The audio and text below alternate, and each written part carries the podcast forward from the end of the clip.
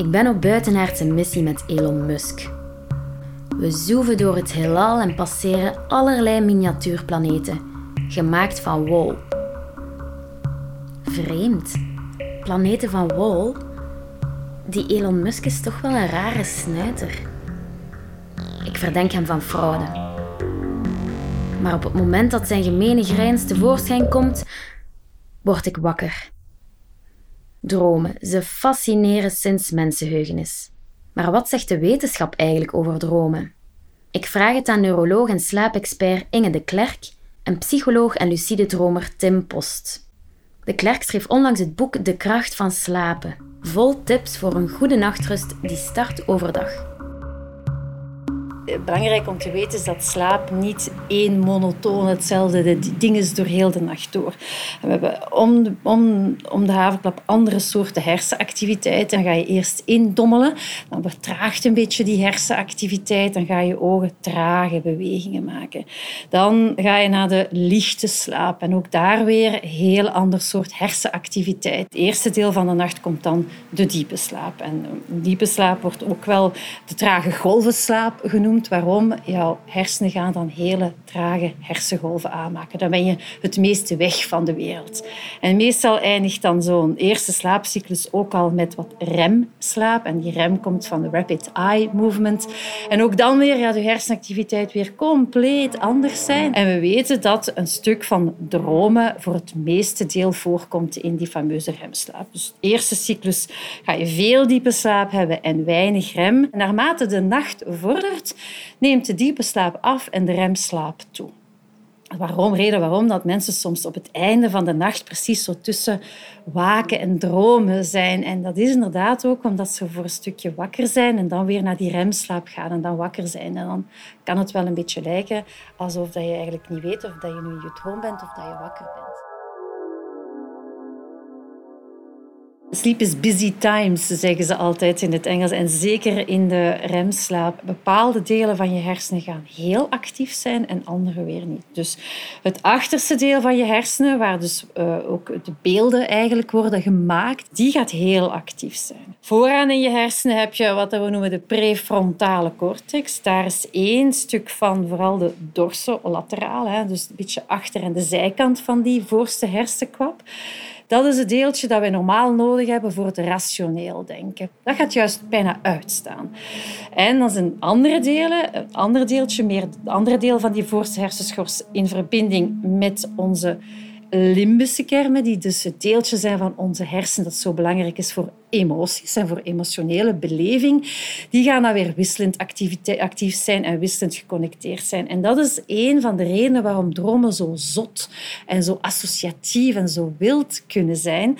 Omwille juist van het feit dat onze hersenen zo anders werken. Dus de controle, de rationele controle is weg, maar de emotionele beleving en de beelden, die delen werken juist heel sterk. Het is ook daarom dat in dromen je zelden bewust bent van het feit dat het raar is. Dus maar als je wakker wordt, dat je gaat zeggen van hey, dat was nu wel een rare droom, dan ben je weer wakker. Dan gaan die rationele hersendelen wel weer aan. Wat blijkt is dat mensen in hun droom bijvoorbeeld ook veel uh, het veel lastiger vinden om dingen te onthouden. Of ze vergeten heel snel dingen. Of dan staan ze het ene moment in de droom op het schoolplein en ze draaien zich om en dan staan ze in één keer op het kantoor zonder dat ze zich die shift in, in droomscène uh, kunnen herinneren of kunnen herkennen. Dat zijn allemaal taken die het werkgeheugen bij ons uitermate goed kan. Hè? Als we overdag uh, zo'n soort van uh, switch zouden ervaren, dat we op het schoolplein staan en staan we op het kantoor, ja, dat hebben we natuurlijk direct door.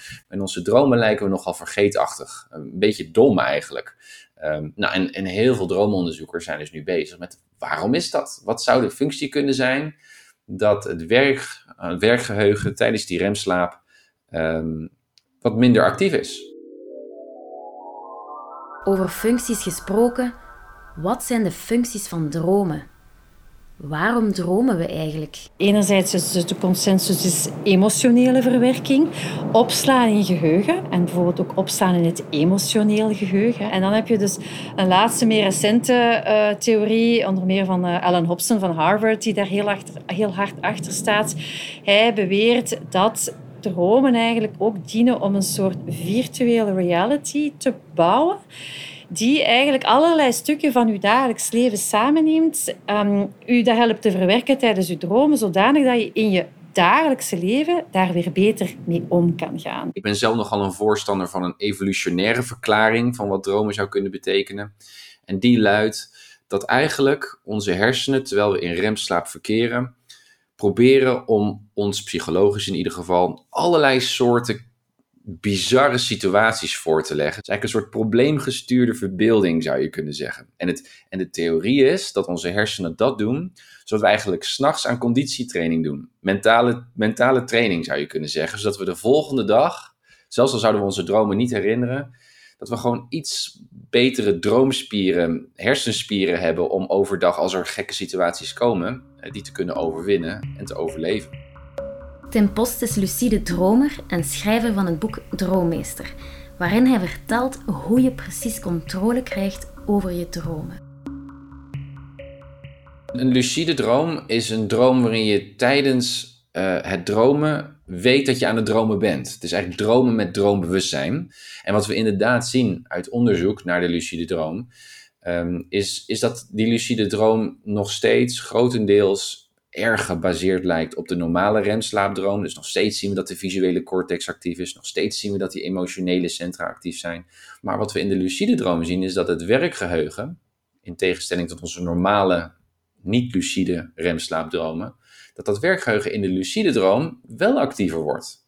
Dus dat betekent, en dat zien we ook in de, in de, in de verslagen van lucide dromers, dat zij in die lucide droom wel in staat zijn om logisch na te denken. En ze wel in, in die droom ehm, kunnen herkennen hoe bizar die dromen eigenlijk zijn. En als ze in één keer op het schoolplein staan en dan in één keer op, op, op, een, op een kantoor, dat ze denken: hé, hey, dat is een rare, bizarre droomwending.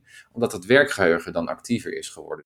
Relatief gezien, als je gewoon kijkt naar de geschiedenis van de wetenschap, dan is inderdaad het onderzoek naar lucide dromen behoorlijk jong. Uh, in de jaren 80, 1980, begon eigenlijk het onderzoek. Er was één onderzoeker uh, in Amerika, Steven LaBerge die voor de allereerste keer het wetenschappelijke bewijs presenteerde dat de lucide droom überhaupt bestond. Dat het iets was wat werkelijk mogelijk is. En tot die tijd waren heel veel mensen, vooral onderzoekers, erg sceptisch over de lucide droom. Uh, om, ja, om, simpelweg omdat men dacht, ja, in die remslaap uh, kun je natuurlijk niet bewust en logisch nadenken, want ja, zo zit de droom nou eenmaal in elkaar. Een droom betekent letterlijk dat je niet weet in welke realiteit je verkeert. Dus hoe kan je nou wel een droom hebben en toch weten dat je in de droom verkeert. Dan kan je bijna niet meer spreken van een droom. Nou, en Steven LeBurge, die was de eerste die een onderzoek, eh, een experiment verrichtte om dat aan te tonen. En waar ze op kwamen was, um, was een, een experiment, een, een, een, ander klein droomonderzoekje, wat nou, enigszins onbetekenisvol leek destijds, waarin men uh, als suggesties en aanwijzingen vond dat onze droomoogbewegingen, dus de kant waarop we kijken in de droom, met onze ingebeelde droomogen, corresponderen met onze echte oogbewegingen achter gesloten oogleden. En dat is wat Steven LeBerge met zijn team toen destijds heeft gedaan als onderdeel van zijn promotieonderzoek. Uh, mensen opgeleid om te lucide dromen en vervolgens die lucide dromers uh, in het slaaplab uh, de instructie gegeven om zodra ze lucide zouden worden, zodra, zodra ze droombewust zouden worden in hun dromen, om dan een heel specifiek droomoogsignaal te geven. Zodat de droomonderzoekers die oogbeweging konden registreren in het lab. En dat hebben ze succesvol gedaan. Het is nog altijd zo dat, en daar gaat ook recent wetenschappelijk onderzoek nog steeds naar, dat de enige manier om dat te bekomen is wakkerder zijn. En dus inderdaad, wat zie je? Dat als je, er zijn studies die dus uh, functionele beeldvorming uh, gedaan hebben tijdens studenten drie maanden, vier maanden laten trainen om dat lucide dromen aan te leren. En dan zijn ze gaan kijken naar mensen die dat niet deden en studenten die dat wel deden. En, dan, en echt ook beeldvorming daar gaan doen. Kijken welke hersenbeelden, eh, hersendelen actief zijn. Het is een totaal ander beeld. Dus het komt erop neer, ik denk dat als zoiets als lucide dromen bestaat en sturen van dromen bestaat, dat er maar één mogelijkheid is om dat te bekomen, dat is meer wakker zijn. En daarom zijn er zo'n tegenstanders ook, omdat er zijn ook studies genoeg die tonen dat door die slaaponderbreking bijvoorbeeld vatbaarder wordt voor depressies. Dus ik denk dat het eerder ongezond is, want het gaat er toch over dat je eigenlijk een essentieel deel van jouw slaap en van breinactiviteit die je nodig hebt voor een gezond, emotioneel uh, brein te hebben, dat je dat telkens weer gaat verstoren. En dat is heel die theorie van brain engineering. We zijn gemaakt om te recupereren door de slaap zoals die is. als je daarop gaat proberen in te spelen, met welk doel eigenlijk? Weer meer controle hebben? Eigenlijk komt het op neer dat je terug het soort wakkere bewustzijn gaat aanzetten. Dat staat volgens mij onvoldoende vast, dat als je dromen wilt gaan sturen en bewustzijn gaat creëren over dromen, dan ben je meer wakker. Dus uh, de vraag is inderdaad, is dit dan nog wel één, slaap? En twee, is dat nog dromen? Het is ook gewoon een heel lastig um, fenomeen om te valideren onderzoeksmatig. dus stel dat er heel veel twijfel is over inderdaad de controle die een lucide dromer heeft of zou hebben in, in dromenland om de droom te sturen. Ja, hoe ga je onderzoeken of die controle bestaat of niet? Het is een beetje kip en ei. Wie stuurt nou de droom? Stuurt de droom mij als dromer of stuur ik de droom als dromer? Ik lig in mijn kamer en alles lijkt rustig. Tot het raam verdwenen blijkt te zijn. Hmm, dit klopt niet. Ik wil bewegen, maar lig verlamd op bed. Probeer mijn vingers te strekken, maar ze lijken wel van gips alsof ze elk moment gaan breken, samen met mijn hele lichaam. Ik word bang. Mijn vertrouwde kamer is plots een bedreigend labyrint geworden. Slaapverlamming, um, sleep paralysis, is eigenlijk een heel natuurlijk onderdeel van remslaap. Dus zodra we aan het, in, de actieve droom, in de actieve droomslaap vervallen, dan, dan treedt er dus slaapverlamming op in ons lichaam, zodat we niet onze droombewegingen uitvoeren in bed. Dus dat is een heel natuurlijk, een heel belangrijk, belangrijke staat van ons lichaam.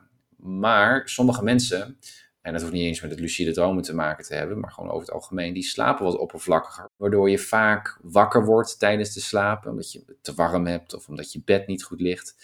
En daardoor kun je in een soort van sluimerslaap ontstaan, waarin het lichaam niet weet of die nou die slaapverlamming moet uitdoen omdat je wakker wordt, of juist moet aanzetten omdat je doordroomt. En dan kan er een, een moment ontstaan waarin je eigenlijk in een soort hybride staat van dromen uh. Waarin enerzijds het droom nog denkt, nou, je zit in remslaap. En dus is slaapverlamming er. En dus verlammen we ook je lichaam. En anderzijds ben je wakker. Nou, en dan, kan er een, dan kunnen er hele nare situaties ontstaan voor de mensen die niet weten waarin ze verkeren. Waarin je dus het gevoel hebt dat je, dat je, je lichaam niet kan bewegen. Uh, en dat je wakker bent. En tegelijkertijd er allerlei verbeelding op kan komen. Ehm, die voortkomt uit een soort van halve remslaap die, die aan is. En, en ja, als mensen dan angstig zijn, ja, dan, uh, dan zul je ook zien dat die droombeelden vervolgens ook heel eng worden.